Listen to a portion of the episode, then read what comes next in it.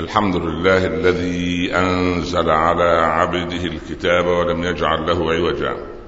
سبحانه له دعوة الحق حرص عليها وأوجب التبشير بها. ولتكن منكم أمة يدعون إلى الخير ويأمرون بالمعروف وينهون عن المنكر وأولئك هم المفلحون.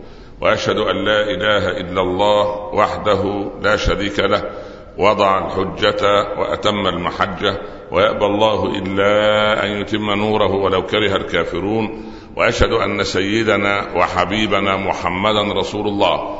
بلغ الرسالة وأدى الأمانة ونصح الأمة وكشف الغمة وجاهد في الله حق جهاده حتى أتاه اليقين. صل اللهم عليه وعلى آله وأصحابه وأزواجه وأتباعه الذين آمنوا ولم يلبسوا إيمانهم بظلم. أولئك لهم الأمن وهم مهتدون. أما بعد أيها الإخوة المسلمون ولله الأسماء الحسنى ومن أسمائه عز وجل الكبير. والمسلم يعيش في كنف الكبير سبحانه منذ أن يكون في عالم الذر أو منذ أن كان في عالم الذر إلى أن انتقل إلى عالم الأجنة ثم ظهر في عالم الشهادة ثم ينتقل إلى عالم البرزخ ثم ينادي المنادي من مكان قريب أيتها العظام النخرة أيتها اللحوم المتناثرة قومي لفصل القضاء أمام الله رب العالمين فنقوم من الأجداث سراعا إلى حساب نسأل الله سبحانه أن يجعلنا وإياكم من أهل اليمين. الله عز وجل تكرر في القرآن اسمه الكبير ست مرات. إذا ركزت وأنت تتدبر في كتاب الله عز وجل تجد أن هذا الاسم وهذا التكبير يكون دائما بعد طاعة كبيرة أو تجمع كبير أو شكر على نعمة الهداية. ففي نهاية رمضان ولتكملوا العدة ولتكبروا الله على ما هداكم.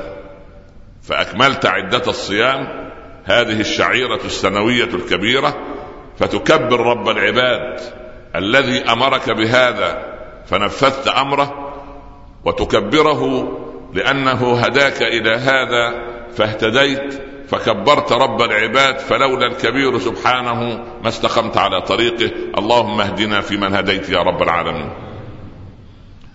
لن ينال الله لحومها ولا دماؤها ولكن يناله التقوى منكم أيضا في شعيرة الحج ولتكبروا الله. هذا التكبير يكون بعد هذا التجمع الضخم الذي يفيض الناس بعد هذه الشعيرة الكبيرة في كرم الله سبحانه وتعالى. أيضا تجد أنت الله أكبر تقولها في أوقات عجيبة. إذا شب حريق في مؤسسة في مصنع في بيت في أي مكان المسلم مع استخدام الأسباب المعطاة له في الدنيا يجب أن يكبر. لماذا يكبر؟ النار مخلوق منها مادة الشيطان والشيطان يريد أمرين في الدنيا علوا وفسادا. والنار عندما الحريقه عندما تشتعل تعلو إلى مستوى عالي وتريد أن تفسد المؤسسة أو المصنع أو البيت أو أن تحرق الناس في فساد في علو. صفتان شيطانيتان. من الذي يغلب هاتين الصفتين؟ صفة العلو وصفة الإفساد إلا رب العباد الكبير سبحانه. فتكبر عندما تتزلزل الأرض وتشعر بهزة ما عليك إلا أن أن تكبر حتى تهدأ الأرض لأن عمر تزلزلت الأرض على أيامه فصعد المنبر مصفرا وجهه قال عباد الله لا تتزلزل الأرض إلا لذنوب قد صنعت عليها. استقيموا عباد الله على على هدي الله. اللهم لا تجعل عذاب أمة محمد على يد عمر. وكان يكبر رضي الله عنه. عندما تأتي إلى الصلاة أنت تتنازعك طوال اليوم أمور شتى عمل انشغال هذا في صناعته وهذا في تدريسه وهذا في مكتبه وهذا في مؤسسته وهذا في وزارته وهذا في طريقه. كل هذه شواغل تشغل الإنسان عن الاستجابة لأمر الله سبحانه. لكنك تلقي كل هذا خلفك وتقف بين يدي الله عز وجل. الله أكبر أي أكبر من المؤسسة وأكبر سبحان الله من العمل وأكبر من الزوجه ومن الزوج ومن الأولاد. هذا نداء الله سبحانه عندما ينادي حي على الصلاة حي على الفلاح. فأنت تكبر كي تشعر نفسك أنك في كنف الكبير سبحانه وتعالى. أيضا قبل الصلاة يؤذن المؤذن الله أكبر الله أكبر. أي كبر أن يتشبه بالمخلوقين سبحانه. كبر أنه لا كبير فوقه. لما دخل العز بن عبد السلام على الصالح أيوب حاكم مصر ووقف العز ينصحه نصيحة قوية والصالح أيوب يطأطئ رأسه. فبعد أن خرج قال المريدون للعز بن عبد السلام يا إمام أما خفت وأنت تكلمه؟ قال والله أراد الشيطان أن يعظمه أمامي. فلما كبرت ربي الله أكبر واستحضرت عظمة ربي في قلبي رأيته أمامي كالفأر الصغير. هذا إنسان عظم الله في ذاته كبر الله في نفسه شعر أنه ليس ضعيفا في هذا الكون. أنت لست لست ضعيفا لأن القوي موجود وأنت لست صغيرا لأن الكبير موجود وأنت لست فقيرا لأن الغني موجود. وأنت لست ذليلا لأن العزيز موجود وأنت لست مهزوما لأن الناصر موجود وأنت لست مريضا لأن الشافي موجود. إن الإنسان إذا تأمل ما قاله موسى عندما أوى إلى ظل الشجرة بعد أن سقى للبنتين وقال ما خطبكما؟ قالتا لا نسقي حتى يصدر الرعاء وأبونا شيخ كبير. فسقى لهما. ثم تولى إلى الظل. قال رب إني لما أنزلت إلي من خير فقير. موسى عليه السلام يسير أياما من مصر إلى أن وصل إلى مدين. أخذت أياما طويلة. لا طعام لا شراب لا راحة لا استجمام. لا نوم. فلما جلس في ظل الشجرة ماذا يخاطب بماذا يخاطب الكبير سبحانه؟ ربي إني لما أنزلت إلي من خير فقير. يا ربي غريب مريض ضعيف تائه. إلى أين يذهب؟ قيل في كتب التفسير يا موسى الغريب من لم أكن مؤنسه. والمريض من لم أكن أنا شافيه والتائه من لم أكن أنا هديه والضعيف من لم أكن أنا مقو له حجته. فاللهم قو في رضاك ضعفنا يا رب العالمين. عندما تنتقل من حركة إلى حركة يعني تنهي الفاتحة تكبر ثم تهوي ساجدا تكبر ترفع من السجود تكبر فأنت في كل حركاتك إذا صعدت جسرا أو جبلا فأنت تكبر. لماذا؟ لأنك تستمد هذا الحجم الذي تملأ به هذا الكون من الكبير سبحانه الذي يأخذ بيدك إلى دقائق الأمور. تشعر أحيانا أنه أنك إنسان ضعيف مغلوب. لا أحد لك في هذا الكون يناصرك. يعني ولا بد من شكوى إلى ذي قرابة يواسيك أو يسليك أو يتوجعك كما قال شاعرنا. أنت أحيانا تشعر أنك لا تريد أن تشكو لأحد لا تريد أن تبث شكواك لأحد لا تريد إلا أن تكون يعقوبي المذهب قال إنما أشكو بثي وحزني إلى الله وأعلم من الله ما لا تعلمون. فلما بث شكواه وحزنه لرب العباد عز وجل وضاع ولده الثاني قوي الأمل عنده لأنه يعبد كبيرا يقول للشيء كن فيكون. فلما دخلوا على يوسف فعرفهم وهم له منكرون دلهم على أمر بسيط اذهبوا بقميصي هذا. فألقوه على وجه أبي. يأتي بصيرا يأتي بصيرا من هذا البعد السحيق الذي لا يرى فيه هذا الكون.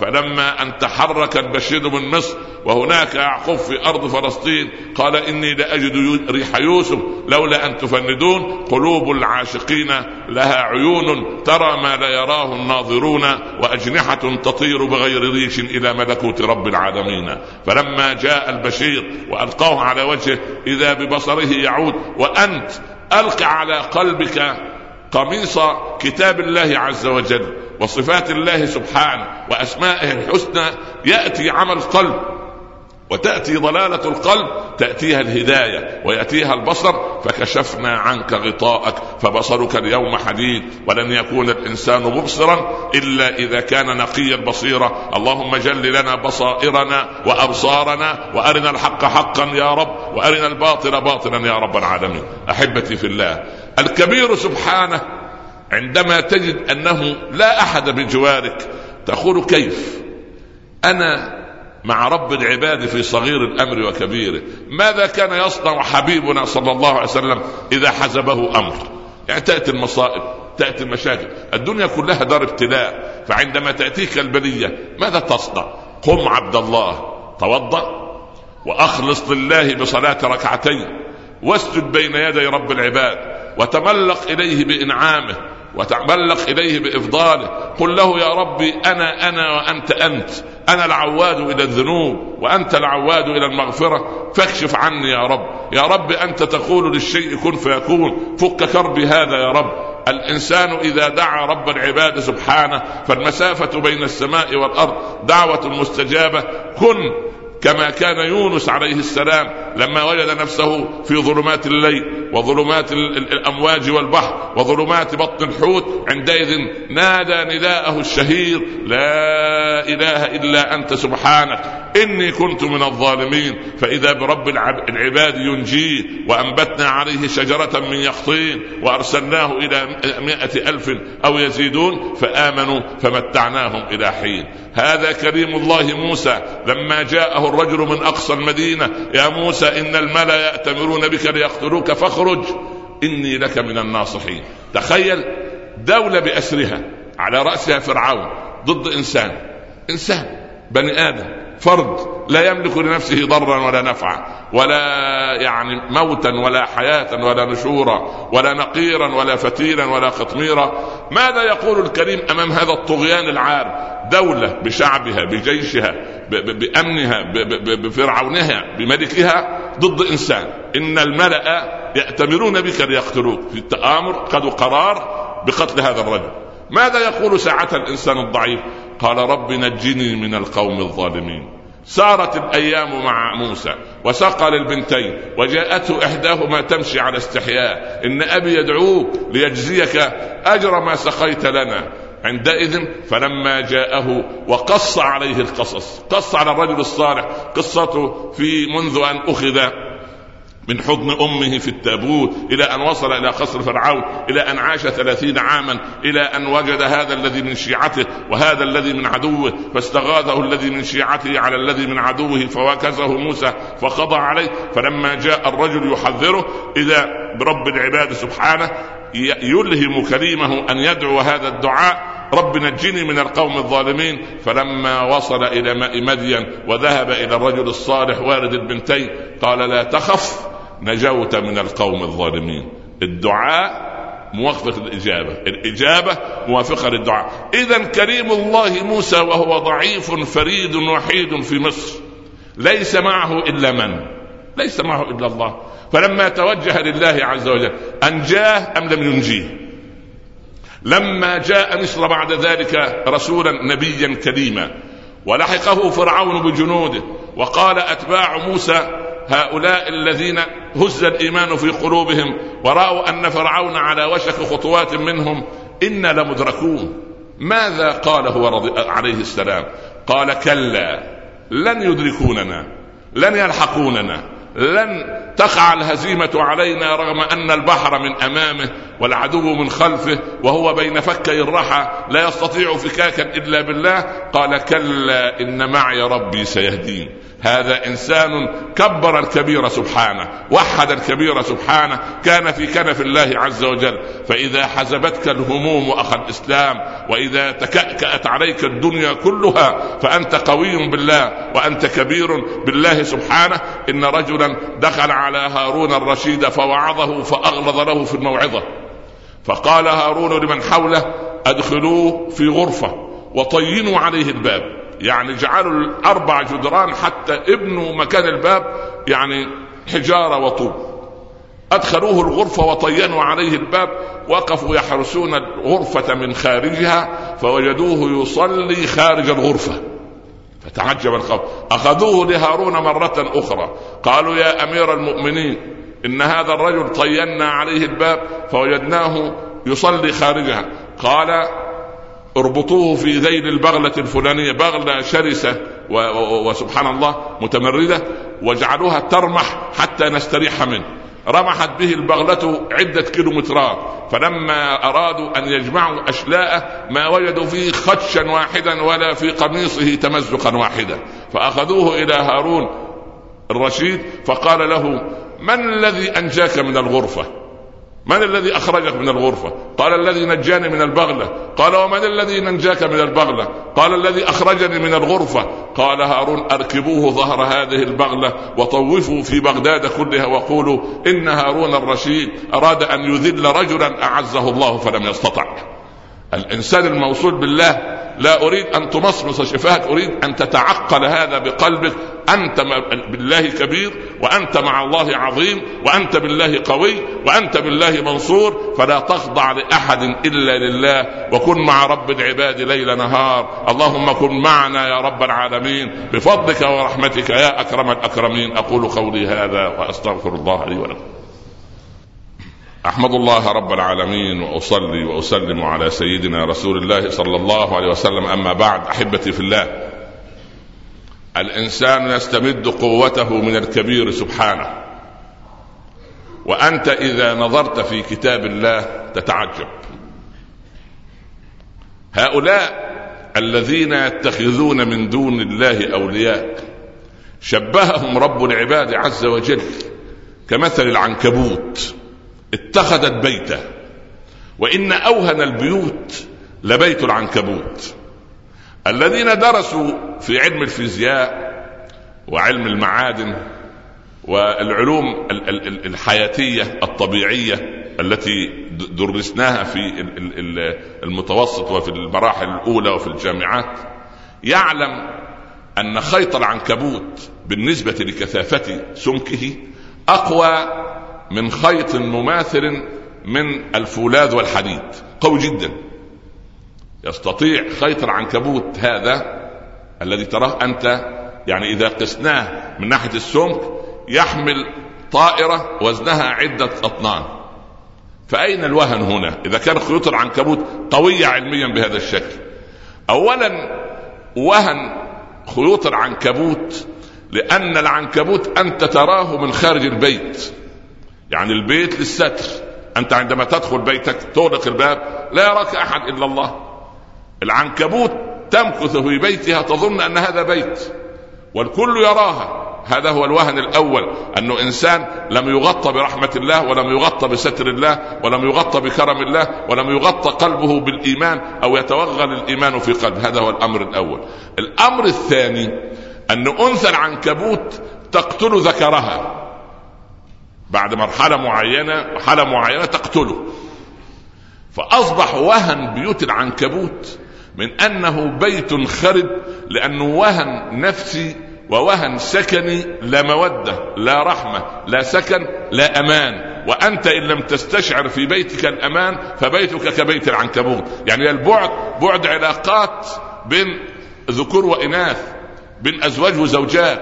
يعني كم من رجل يقتل امرأته معنويا وكم من امرأة تنغص على زوجها فيصير سبحان الله مقتول معنويا هو يمشي على رجليه. ولكنه مقتول هي تمشي على رجليه ولكن قتل فيها إنسانيتها قتل فيها روحها الوثابة هي أيضا قتلت فيه عقله أو فكره. هنا تصير بيوتنا كبيوت العنكبوت وإن أوهن البيوت لبيت العنكبوت. لا نريد لبيوتنا أن تكون بي كبيت العنكبوت إنما هي بيوت قوية موصولة بالكبير سبحانه. ولذلك إن الخلل الحاصل في البيوت عندنا جميعا وعند المسلمين جميعا إلا من رحم ربي أن كل واحد من الطرفين أو أحد أطراف هذه المؤسسة البيتية لم يمسك بحبل الله المتين ولم يخلص النية لله ولم يتعامل كما كان يتعامل رسول الله صلى الله عليه وسلم. نسينا الفضل بيننا ونسينا الصبر أحدنا على الآخر ونسينا التفضل بل يمن بعضنا على بعض وسبحان يتفاضل بعضنا على بعض ويفتخر بعضنا على بعض ويتكبر بعضنا على بعض مع أن كل واحد يجب أن يتواضع لله رب العالمين. روي في حديث وإن كان فيه ضعف في الإسناد تقويه آثار أخرى. إن رجلا فقيرا دخل إلى مجلس رسول الله صلى الله عليه وسلم فجلس بجوار غني فجمع الغني ثيابه فلما نظر الحبيب فقال للغني أخفت أن يعديه؟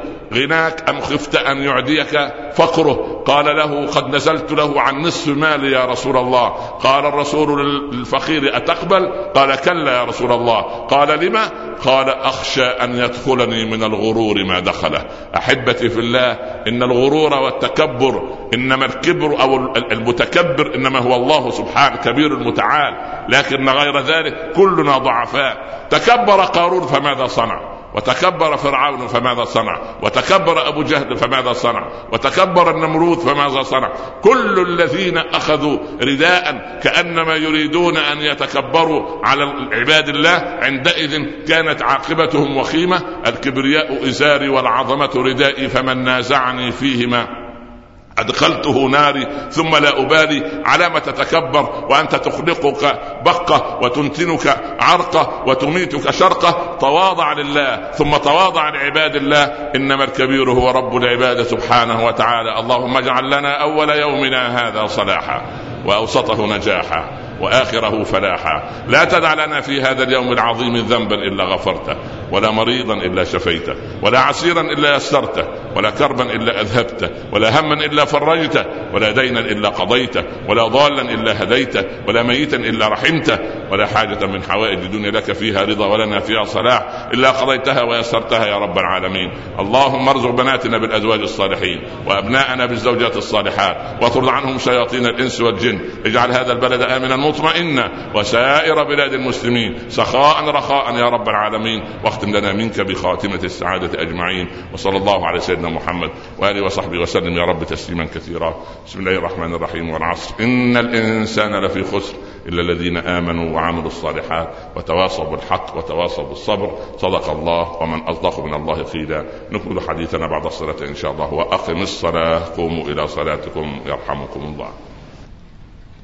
أحمد الله رب العالمين وأصلي وأسلم على سيدنا رسول الله صلى الله عليه وسلم. أما بعد نبدأ طبعا في الحرارة بدأت يعني إلى شيء ما فنوجز في الخطبة قليلا ولا نطيل كأيام الشتاء المهم أن يكون الكلام إن شاء الله يعني ندعو الله أن يكون من قلب إلى قلوب عامرة بإذن الله وأن ينفعنا بما علمنا وأن يذكرنا ما جهلنا وأن يتولانا وإياكم وأن يجعلنا ممن يستمعون القول فيتبعون احسنه. فأما الإنسان إذا ما ابتلاه ربه فأكرمه ونعمه فيقول ربي اكرمن. وأما إذا ما ابتلاه فقدر عليه رزقه فيقول ربي اهانا كلا. بل لا تكرمون اليتيم ولا تحاضون على طعام المسكين وتأكلون التراث اكلا لما وتحبون المال حبا جما. الآيات. هذه تكملة ضرورية لهذه الخطبة. تحدثنا عن اسم الله من أحد الأسماء التسعة وتسعين الكبير. والكبير سبحانه تستطيع أن تفهمها من شيء بسيط. إذا حضرت احتفال فيه رجل مهم الملك الإمبراطور الأمير الحاكم عينك دائما إلى أين تذهب في هذا الاحتفال؟ دائما لما تيجي الشاشات كده تنظر إلى من؟ ها؟ إلى رقم واحد اللي قاعد صح؟ عينك تيجي كده من غير شيء. عايزين يكرموا إنسان مهم تكريم. كل العيون على من؟ كل الكاميرات مركزة على من؟ ها؟ يعني يعني هكذا. طب فاذا ثبت من الناحية السيكولوجية النفسية الإيمانية أن الإنسان يحب أو يتمثل في أخلاقه شيء من أسماء الله وصفاته. ولكن بحجم البشرية. كيف يعني؟ أنا عايزك الله يرضى عليك وأنت تسمع الدرس والخطبة. لا, لا تقاوم المعلومة. لأن في إخوة يحب يقاوم المعلومة بعد ما نخرج يقول لك طب ليه الموضوع طب يا عم الله يرضى عليك. خذ المعلومة كده. والله يعني وافقتك جزاك الله خيرا. لم توافقك خلاص ما تشغلش بالك بيها. لأن لو شغلت نفسك هتضيع بقية الدرس وأنت مركز عشان هتسأل الشيخ بعدها سؤال ويضيع عليك كل الدرس. لا تقاوم المعلومة. مصيبة طلاب العلم مقاومة المعلومة. يفضل يعني طب لا إزاي؟ ده أنا سمعت الشيخ قال غير كده. عم خذها هكذا. ليس لأن هذا كلام لا يرد. كل الناس يؤخذ منه ويرد إلا رسول الله صلى الله عليه وسلم. بس أنت استفيد من المعلومة وخذها كما هي. يعني ممكن واحد يقول لك مين قال لك أن بيوت العنكبوت من الناحية النفسية هي هي الوهم؟ وجهة نظري أخي. أنا أرى أن وهم بيوت العنكبوت هي قتل الزوجة للزوج. لو حصلت عندك تبقى بيتك واهن ولا مش واهن؟ وأنت مش هتعرف عشان تكون في العالم الآخر. نقابلك في الآخرة. وقول لنا يعني. ففي معلومة لا تقاوم. خذها زي ما هي. بيت يقتل فيه الإبداع. رجل متفوق متقدم بيترقى وبعدين الزوجة تستهين به أمام الأولاد. يعني إيه يعني؟ يعني خلاص. يعني بقيت رئيس الوزراء يعني تحطم من شأنه. قتل ولا مش قتل؟ ده أنت مقتول لدرجة العدد ترد. لا إله إلا الله. سبحان الله. والعكس نفس القضية. هي سيدة فاضلة مهذبة متدينة جاية من بيت دين جاية من بيت علم سبحان الله وكل شوية آه خلاص هتقوم لنا الليل. آه هتصوم لنا النهار. هتشتغل لنا ربع العدوية. آه أسماء بنت أبي بكر. يقتل فيها تدينها. ده قتل ولا مش قتل؟ والقتل أنواع. بديك درس عن القتل إن شاء الله بس مش المهم. المهم. فالإنسان عندما يرى أنه ليس وحيدا في هذا الكون. أنت مش وحدك. حتى وإن تخلى عنك الأهل والأحباب والأقارب. يا أخي أنت أحيانا أقول لك شيء. يأتي عليك الليل. عندك هموم لم تقصها على زوجتك ولا على أولادك ولا على أصدقائك. وبعدين تأتي بالليل لتنام. ربما تهجم الهموم عليك فتبكيك. الغرفة ظلام والزوجة نايمة نامت والعيال نامت. وحتى خالك الوزير وعمك المسؤول وابنك اللي في مؤسسة ضخمة وله أمر كله نام. لكن عين الله لم تنم. فلمن تشكو في هذه اللحظة؟ أنا عايز شكواك لله دائما. إياك أن تشكو الخالق إلى المخلوق. إياك أن تشكو الذي يرحم للذي لا يرحم. أشكو الناس والزمان لله إنما أشكو بثي وحزني إلى الله. الله يرضى عن إمامنا الشافعي يقول أمطري سماء سرنديب وفيضي جبال تكرور تبرا. أنا إن عشت لست أعظم قوتا وإذا مت لست أعظم قبرا. همتي همة الملوك ونفسي نفس حر ترى المذلة كفرا. شوف شوف الهمة شوف الهمة. يقول علي ثياب لو تباع بفلس لكان الفلس منها أكثر. الفلس اللي هو إيه؟ سنت يعني شيء لا يساوي شيء. حاجة بسيطة. علي ثياب لو تباع بفلس لكان الفلس منها أكثر ولكن بداخلها نفس. لو قيست بها أو وزنت بها نفوس الورى جميعا لكانت أعز وأكبر. شوف العزة. من أين جاء بهذه العزة؟ ها؟ ولله العزة. ها؟ ولمن؟ ولرسوله ولمن؟ والمؤمنين. الله. اللهم اجعلنا منهم يا رب. أنت تعز بالله. آه الناس سبحان الله تتضحضح تحت وتضمئل وتضمحل تحت طرقات الزمن وطرقات الابتلاء وأنت قوي. فأما الإنسان إذا ما ابتلاه ربه أي امتحنه. ابتلاه يعني عمل له امتحان. فأكرمه ونعمه. أول ما يلاقي نفسه مكرم منعم في مسؤوليه له راتب مطمئن الشغل بتاعه العمل يرقيه كل الناس تشير إليه جوائز متتالية. فيقول ربي أكرمن. الله ده كرم من الله. ما قال سليمان هذا الكلام؟ لا. قال إيه؟ إن, إن يعني يعني هذا من فضل ربي. ليه؟ ها؟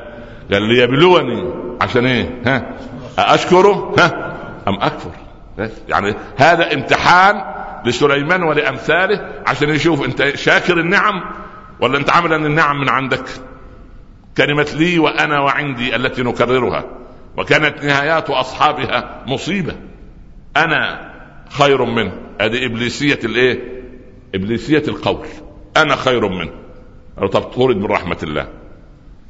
فرعون لي ملك مصر. فاغرقنا يعني فأغرقناه في اليم. هو وجنوده يا ريت هو بس وأتباعه. وبعدين قارون إنما اوتيته على علم عندي. أهل المال والثقل الجاه نفس قضية ما أظن أن تبيد هذه أبدا وما أظن الساعة قائمة ولئن رددت إلى ربي لأجدن خيرا منها منقلبا. التاني عشان يجذبه إلى جاذبية الأرض وجاذبية التواضع يقول أكفرت بالذي خلقك من تراب. ثم من نطفة ثم سواك رجلا. بيرجعوا إلى الإيه؟ إلى الأصل إلى الأصل. وأنت علامة تتكبر وأنت مخلوق من جنس الأرض أنت من تراب. كلكم لآدم وآدم من من؟ من تراب. ما فيش واحد يا اخوانا ولد من قطعة كريستال ولا ذهب ولا ولا ولا ماس ولا ياقوت. لا نحن كلنا من تراب. التراب فيه ستة عشر معدنا. 16 عنصر. أنت قد تكون جئت من عنصر منها. والناس تتفاضل بهذه العناصر. يعني اللي جاء من من من من, من قطعة حجرية من من الجرانيتية زي اللي معمولة على على السواري والأعمدة دي. هو ده دماغه ما شاء الله إيه؟ الليونة كلها ما شاء الله. يقول له الشمس تطلع من الشرق يقول لك مين اللي قال. ليه؟ لأنه هو جاي من حتة الجرانيت دي. فما تتعبش نفسك معاها الله يرضى عليك. أهو ده ما يلينش ابدا لك ولو حتى حطيته في الحديد في الفرن الحامي يظل إيه؟ يزداد صلابة. سبحان الله. زوجته تقول لي يا أبو فلان يعني لا لا لا وفلسفة ولف ودوران ده من قطع الجرانيت. في واحد جاي من حبة رمل. كل ما تعمل فيه معروف ولا كأنك عملت معروف. وده في أخوك وابن عمك تصرف عليه عشرين سنة تنفق عليه وبعدين تعطيه خمسة. جت الظروف بقت صعبة عليه فتقللها لثلاثة. يخطب جبينه. فين الباقي؟ وكأنه فرض الولد ابنك اديله مصروف معين اديله 100 مثلا. الظروف عندك الراتب قل في غلاء في كذا فتخليها 80 الولد بعد ما كان يقول لك جزاك الله خيرا يا أبي. ياخذ منك ال 80 طيب. يعني هو شرير مش طيب صح ولا لا؟ طيب منين؟ إيه؟ طيب من ما دام انت شكلك كده ولا وكأن فرضا على الأب أن يعطي ولذلك هذا ده من قطعة رمل من أرض إيه؟ رملية والأرض الرملية تتشرب الماء ولا تمسك ماء ولا تنبت كلأ ولا عشبا لا يجي منه خير ولا هو إيه ولا هو في خير في واحد ما شاء الله من تربة طينية معطاءة تبتسم في وجهه يقعد يدعي لك. روح يا شيخ ربنا يبارك فيه الله يشرح صدرك. تاخذ منه خير. عامل زي الايه؟ زي النحلة. تاكل تاخذ رحيق الزهور وتعطيك ما شاء الله إيه؟ شهد. تعطيك شفاء. سبحان الله. حتى إلا ساعتك. تشفيك من الروماتيزم. إيه ده؟ حتى اللسعة بتاعتها. شوف. ما تراه أنت أذى الآن بيعملوا اللي مع المرأة التي لا تحمل في طريقة علاج الآن اكتشفوها أطباء والحمد لله أنهم أطباء عرب مسلمين في بلادنا العربية بيعالجوا المرأة التي لا تحمل بلسع النحل. تلسع النحل تنجب إن شاء الله بإذن الله. لا يرضى عليك ما تعديش على الخلية وتجيب لها شوية صراصير ولا حاجة. لا نحل الله يرضى عليك نحل. نحل ونحل إيه؟ يأكل حلالا مش يسرق حقول الجيران كما هي صاحبه. لا الله يرضى عليك. أنا عايز نحل حلال ويأكلك حلال. ما تصلوا على رسول الله عليه الصلاة والسلام. ففي الإنسان جاء من من قطعة الأرض التي جاء من واحد آخر الذرة اللي, اللي تكون منها قطعة ذهبية ذهب الذهب كل ما تدخله في الفرن اسمه اسمه فتنة الذهب باللغة العربية فتنة الذهب يعني إيه؟ يعني صهر الذهب في الإيه؟ في الأتون في الف... ده اسمه إيه في اللغة العربية؟ فتنة هذه الفتنة هو صهر الذهب بالنار. لما يصهر الذهب بالنار سبحان الله كما دلوقتي بيتدمر أو يتلاشى أو تتشكل جزيئات جزيئات أخرى أو يتحول من معدن نفيس لمعدن خسيس. ابدا. ده سبحان الله النار تنقيه يخرج من الناحية الأخرى ذهبا ابريزا خالصا لا شوائب فيه. هكذا المؤمن يدخل في الابتلاءات يطلع أقوى. يدخل في الابتلاءات يطلع أقوى. وهكذا سبحان الله. كلما كما كان الصحابة الذين قال لهم الناس إن الناس قد جمعوا لكم فاخشوهم. حصل إيه؟ ها؟ قال فزادهم ايمانا. وقالوا ها؟ حسبنا الله ونعم الوكيل. النتيجة؟ ها؟ فانقلبوا بنعمة من الله وفضل لم يمسسهم سوء. عملوا إيه بعد كده؟ واتبعوا رضوان الله. والله ذو الإيه؟ ذو الفضل العظيم. اقرأ القرآن وخليك كأنه عليك نزل. مش هم اللي قالوا خليك أنت قول برضه. أنت أيضا قل. يعني الصحابة قال الناس إن الناس قد أبو سفيان هيرجع ويستأصلكم مرة أخرى. قالوا حسبنا الله ونعم الوكيل. بس. هنعمل إيه يعني؟ واستعدوا ورجعوا وهم لسه الجراحات موجودة ولسه اللي مات له أخوه واللي قتل له أبوه واللي قتل ابنه واللي زوج كله رجع مرة أخرى مع الحبيب صلى الله عليه وسلم بنفس القوة بنفس القوة. ليه؟ لأنه صار كبيرا بالله. ما توحدوا الله؟ لا إله إلا الله. فأما الإنسان إذا ما ابتلاه ربه فأكرمه ونعمه فيقول ربي اكرمه لأن دليل أن ربنا رضي علي. رضي عني أعطاني هذا. وأما إذا ما ابتلاه فقدر عليه رزقه. تيجي أيام فجأة بعد ما يكسب في الشهر كذا أو في السنة كذا المكسب قل بقى نصف بقى ربع بدأت الخسارة تدخل عليه. هنا متلقي الحدث شخصان. شخص يرى أن المعطي المانع إنما هو الله. وقلت لكم من قبل كثرة من المسلمين موحدون عند الرزق مشركون عند إغلاق باب من أبواب الرزق. وما يؤمن أكثرهم بالله إلا وهم إيه؟ إلا هم مشركون. يا فلان من يطعمك ويسقيك ويرزقك؟ يرد يقول إيه؟ الله. ومن قطع رزقك من المؤسسة؟ الأستاذ محمود. لا حول ولا قوة إلا بالله. فهو موحد عند العطاء مشرك بمحمود عند الإيه؟ لا حول هذا دليل على خلل في العقيدة. لأن عنده الإيه؟ الخلل داخلي بالعكس لا محمود ولا أبو محمود ولا وزير محمود ولا أنجب محمود يملك لك لا ضرر بس هو العبد ضعيف اليقين. عند العطاء ما شاء الله اكرما. وأما إذا ما ابتلاه فقدر عليه رزق. قدر يعني إيه؟ ضيق. وذنون إذ ذهب مغاضبا. فظن أن لن نقدر عليه. يعني إيه لن نقدر عليه؟ ها؟ لأن نضيق عليه الأمر في أن يترك هذه القبيلة التي ترفض الإيمان ويدخل ويخرج يدعو الله عز وجل في مكان آخر. فظن أن إيه؟ أن لن نقدر عليه. فلما خرج دون إذن الوحي إذا برب العباد يعني يعاتبه. بس عتاب رباني. إيه العتاب الرباني؟ التقم الحوت. يركب السفينة. السفينة آه، تلعب بها الأمواج. اللي على السفينة مشركين قالوا آلهة البحر غاضبة على أحد الركاب. آلهة البحر غضبانة على أحد الركاب. طب نعمل إيه؟ قال نعمل قرعة. واللي يقع عليه السهم نرميه فتلتقم وتأكل آلهة البحر. آلهة تأكل وتشرب. المهم ما علينا. فيعملوا القرعة تقع على من؟ على نبي الله يونس. يا الله وده درجة ضيف وشكله كده صالح. نعيد إيه؟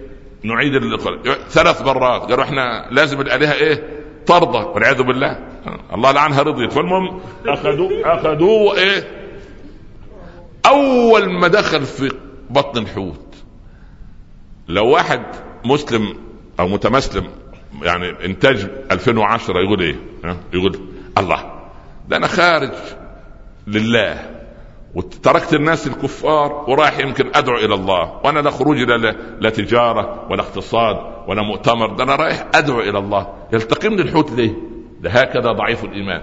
لكن القوي الإيمان يعلم أن المدبر في هذا الكون إنما هو الله سبحانه. بس أنت لما تحسبك الأمور وتهجم عليك اسأل نفسك سؤال واحد بس. سؤال واحد مش غيره. ولا تحتاج للشيخ عمر ولا ولا اللي علموه. تقول إيه؟ أنا مدبر أم مدبر لي؟ بس. أنا مدبر ها؟ أم مدبر لي؟ الإجابة إيه؟ ها؟ مدبر لي يبقى اصبر لما دبر لك. ليه؟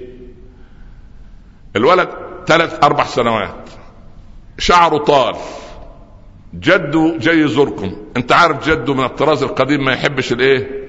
الشعر الطويل. أنت من باب الأدب تقول لزوجتك إيه؟ والله إحنا عايزين أخذ الولد احلقته الأم فرحه بابنها كل ما تشوفه كده شعره مسترسل مبسوطه وسعيدة. حرام عليك يا شيخ خليه شوية واخد بالك؟ وتقول لا لابد من الولد شعره نزل على أذنيه شعره كده أنا ما أحبش الولد ينشا وهو صغير على إنه بنت أنا عايزه يطلع رجل من صغره. فمن مصلحة الولد حلاقة شعره. ولكن الولد لما ينظر الأب والأم أيهما أقرب إليه في هذه الحالة؟ الأم لأن الحلاق أجارك الله يعدل دماغ الولد كده ودماغه كده لغاية ما شوية ويطلع دماغ الولد في إيه؟ رأس الولد في إيده. فالولد كاره للحلاق. بالله عليك من أرأف وأعقل وأفضل رحمة بالولد في هذه اللحظة؟ الوالد أم الوالدة؟ الوالد بيدور على مصلحته. زي بالضبط إيه؟ الولد حرارته مش راضية تنزل. الطبيب لابد من إبرة. الولد يشوف الإبرة في إيد الممرضة من هنا وإيد الطبيب يركبوا عفريت أنت يا ابني يا حبيبي ابدا. فالأم تقول ما فيش داعي طب ما فيش دواء شرب طب ما فيش كده حاجات من الاقماع طب ما فيش كريم ما فيش حاجة كده حاجة نحطها على دماغ الولد ما تخترعوا لنا حاجة كده جهاز يدخل من الناحية دي يطلع من غير حرارة من الناحية الثانية الأم قلبها كده لكن الأب مصر على إيه؟ ها؟ الولد لازم ياخد الإيه؟ الولد لما ينظر للأب يشوفه رحيم ولا قاسي؟ ولله المثل الأعلى. الابتلاءات من الله كالأب الرحيم بابنه. طبعا مش من باب التشبيه ولكن آه الله يرضى عليك يا رب. ما أصل في ناس قاعدين على الواحده يقول لك يعني تقصد يا عم ما أقصدش حاجة والله. أنا أنا قصدي على ولدك الله يشفيه لك بإذن الله. المهم فأما الإنسان إذا ما ابتلاه ربه فأكرمه ونعمه فيقول ربي أكرمن. وأما إذا ما ابتلاه فقدر عليه رزق ضيق الرزق. آه يقول آه هنا جت الإيه؟ قال ربي إيه؟ اهانا. القرآن يجيب إجابة غريبة. كلا. يعني إيه؟ يعني لا عند الإكرام. رب العباد لا عند التوسعة. لا رب العباد أكرمك ولا عند التضييق. رب العباد إيه؟ أهانك. أمال إيه؟ يعني ممكن تقول كلا هذه عقيدة باطلة. مثلا هذا فكر باطل. هذا تفكير خطأ. هذا تفكير غير سوي. كلا. فالإجابة كانت عجيبة. قال أنتم إذا أردتم أن تصيروا مكرمين عند الله فاعملوا أربع أمور. لكن الكارثة أنكم بترتكبوا أربعة مصائب كبيرة تجعل هذا هو فكركم. أنت معايا ولا مش معايا؟ يعني ساكتين إيه؟ انصاتا يعني؟ صحيح؟ الكذب حرام في المسجد وخارج المسجد أيضا. المهم أنت قناعتك ان لما يوسع عليك ده إيه؟ تكريم. ولما يضيق عليك دي إيه؟ اهانة. القرآن يقول لك إيه؟ لا لا لا هذا دي فكر مش مضبوط. جاب أربعون بل لا تكرمون اليتيم. ولا تحاضون على طعام المسكين. وتأكلون التراث أكلا لما وتحبون المال حبا جما. هذه الأربعة اللي خلت جعلت فكركم هذا الفكر الباطل أن رب العباد إذا وسع فهو مكرم وإذا ضيق فهو مهين. كلا لو عملت الأربعة دول أكرمتم اليتيم وأطعمتم المسكين ولم يكن لكم شره إلى المال والمواريث تنتظر أنت وفاة الأب ولا وفاة العم ولا وفاة الأخ اللي مالوش لا أولاد ولا بنات عشان ترثه. لو عوفيت من هذه الأربعة صار فهمك فهما حقيقيا أن الله يعطي ويمنع أو يجود ويصفح أو يعطي هذا ويمنع هذا. لا إكراما لهذا ولا يعني إيه تقتيرا على ذاك. بهذا المنطق تفهم حقائق الأمور. بل لا تكرمون اليتيم ولا تحاضون على طعام المسكين وتأكلون التراث اكلا لما وتحبون المال حبا جما. ثم تقول الموعظة الخامسة أفق يا عبد الله ليوم أهم. كل ده اللي بتعمله دي تمثيلية. كلا إذا دكت الأرض دكا دكا. يا الله دكا دكا. كيف يعني؟ قال الجبال دي إذا سرت نحوها والجبل ده له تحت تحته ثلث طوله. يعني والجبل ثلاثة إيه؟ أقسام ارتفاعات. في ثلثين تحت. واللي ظهر لنا الإيه؟ الثلث. هذه الجبال تسير. مع علامات الساعة. الجبال تسير. وهي لو تلمسها تجدها كالصوف المندوف الصوف بعد إيه؟ بعد تنقيته وحلجه وإدخاله في الماكينة. خلي بالك كالعهن المنفوش عبارة عن صوف تلمسه كده سواء هو صخري رملي اي أي شيء. سبحان الله. تسير الجبال. دكت الأرض دكا دكا حقيقة الدك أن إيه؟ تبدل الأرض غير الأرض وسبب الأرض تسير وسبحان الله. نسأل. بتشوف انت هذه الصورة. ربنا يؤمن بلاد المسلمين. الزلازل بركة لما تنفتح وتقع القرى وتختفي وسبحان الله. شفت انت كارثة هايتي وهذه البلاء. اللهم ارفع البلاء عن أرضنا وبلادنا يا رب العالمين. وعن أرض الناس كلهم يا رب. أنت رحمن رحيم. فالعبد لما يشوف هذه الصورة يعني إيه؟ يعني رب العباد يعني يعني يعني يسير الأرض. يعني تسير الجبال. يا الله. والسماء صارت وردة كالدهان. تغيرت الأرض والسماء وما تبدل الأرض غير الأرض. كلا إذا دكت الأرض دكا دكا. وبعدين قال أوجد الله أرضا أخرى. لا معصية عصيت فوقها. أرض جديدة غير الأرض بتاع المعاصي. اللي بدأت بإيه؟ أول معصية نزول قطرات دم القتيل على هذه الأرض.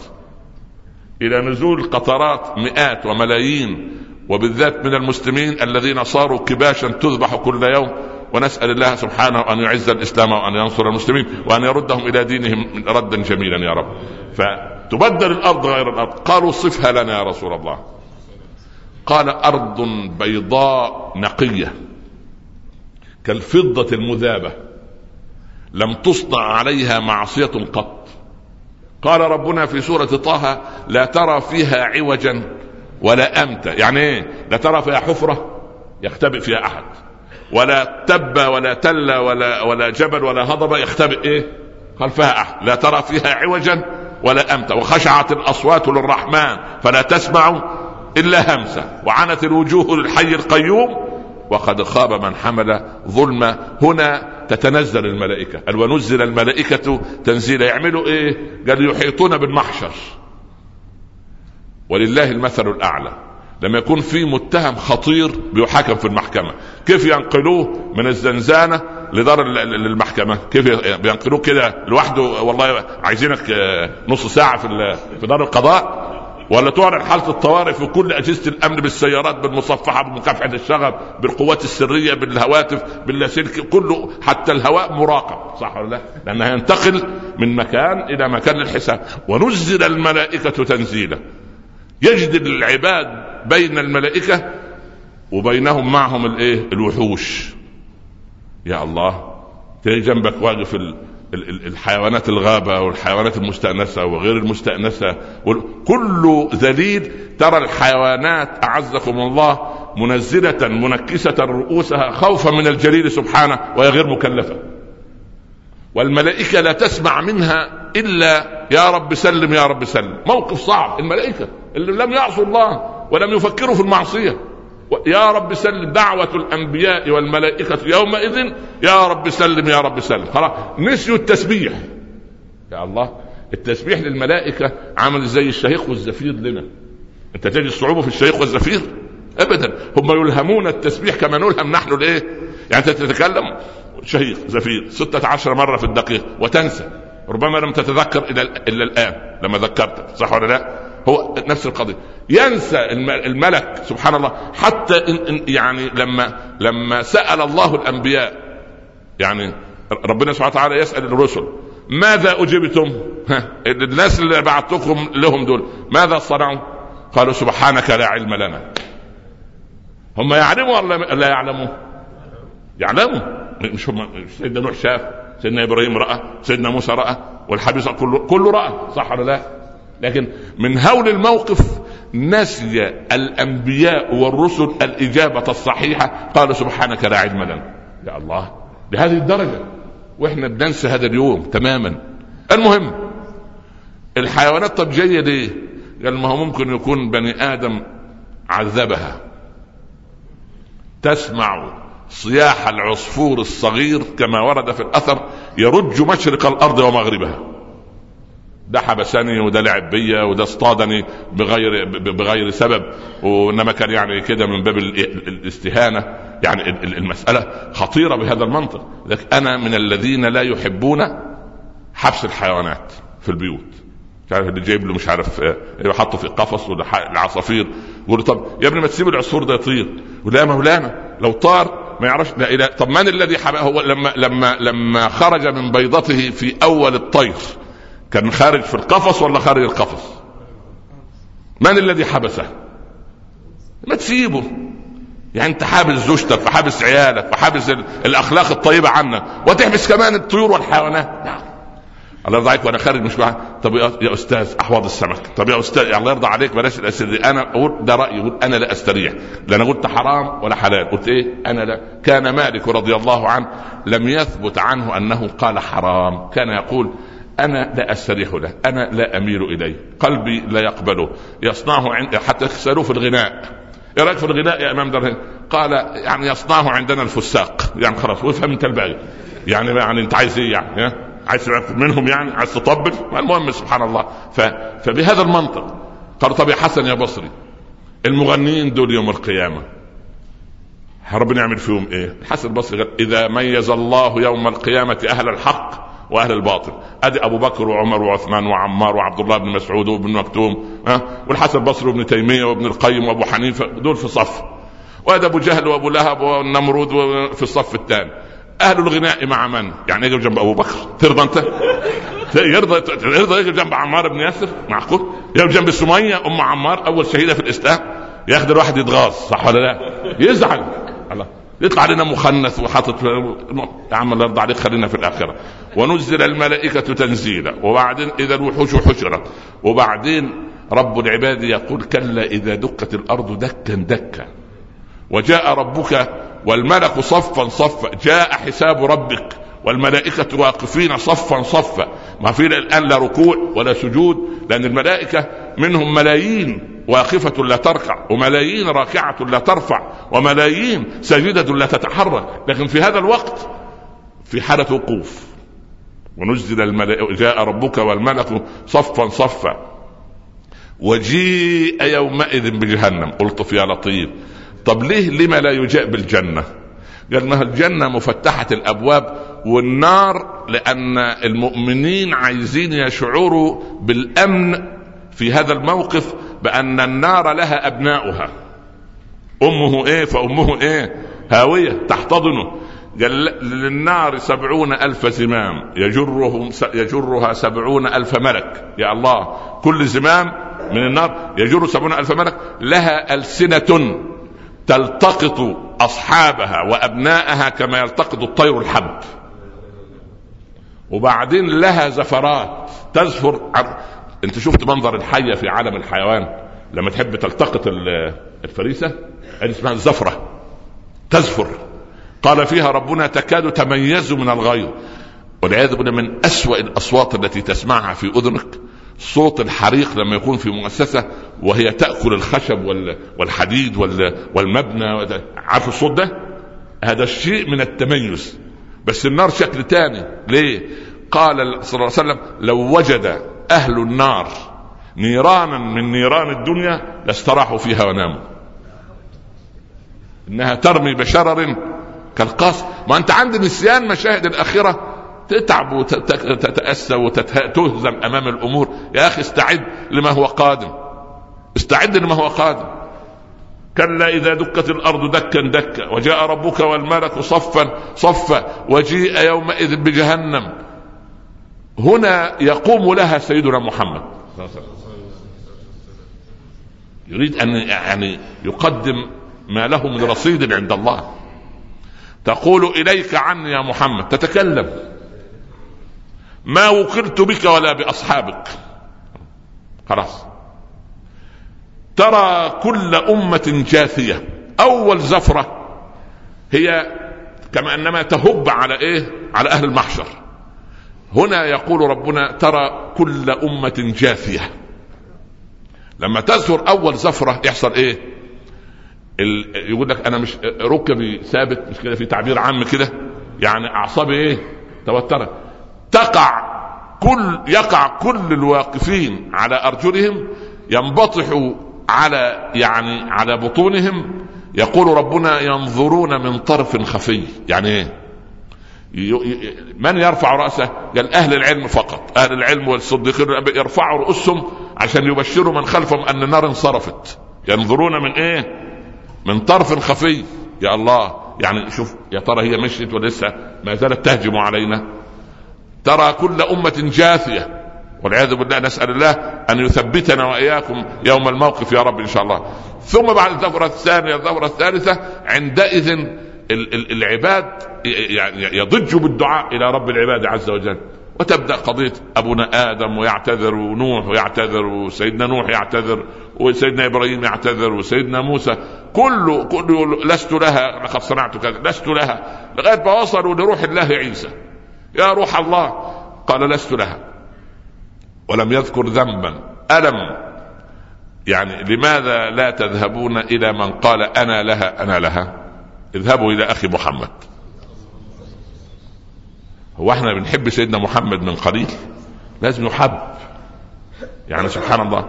فأدعو الله عز وجل ويبدأ تطاير الإيه؟ الصحف. يبقى إذا إذا دكت الأرض دكا دكا وجاء ربك والملك صفا صفا وجيء يومئذ بجهنم يومئذ يتذكر الإنسان. يقول يا الله أنا ليه ما مشيتش ورا العلماء؟ أنا ليه قعدت أعادي أهل العلم وأعادي الدين وأكتب المقالات واثير الإشاعات وأتكلم على الناس واؤذي خلق الله وتوليت مسؤولية فلم اتخي رب العباد عز وجل. فبهذا المنطق سبحان الله العظيم يعني العبد يعني لا تساعة من دمي وأن له الذكرى يقول يا ليتني قدمت لحياتي يا ليت أنا كنت عملت خير فيومئذ لا يعذب عذابه عذاب الله عز وجل أحد ولا يوثق وثاقه احد لأن أي مجرم ممكن يسجن في الدنيا ممكن يفك ممكن تهرب عصابته ممكن دولته تتشفع فيه. لكن واحد سبحان الله لا يوثق وثاقه أحد قيد الله لا يفكه أحد.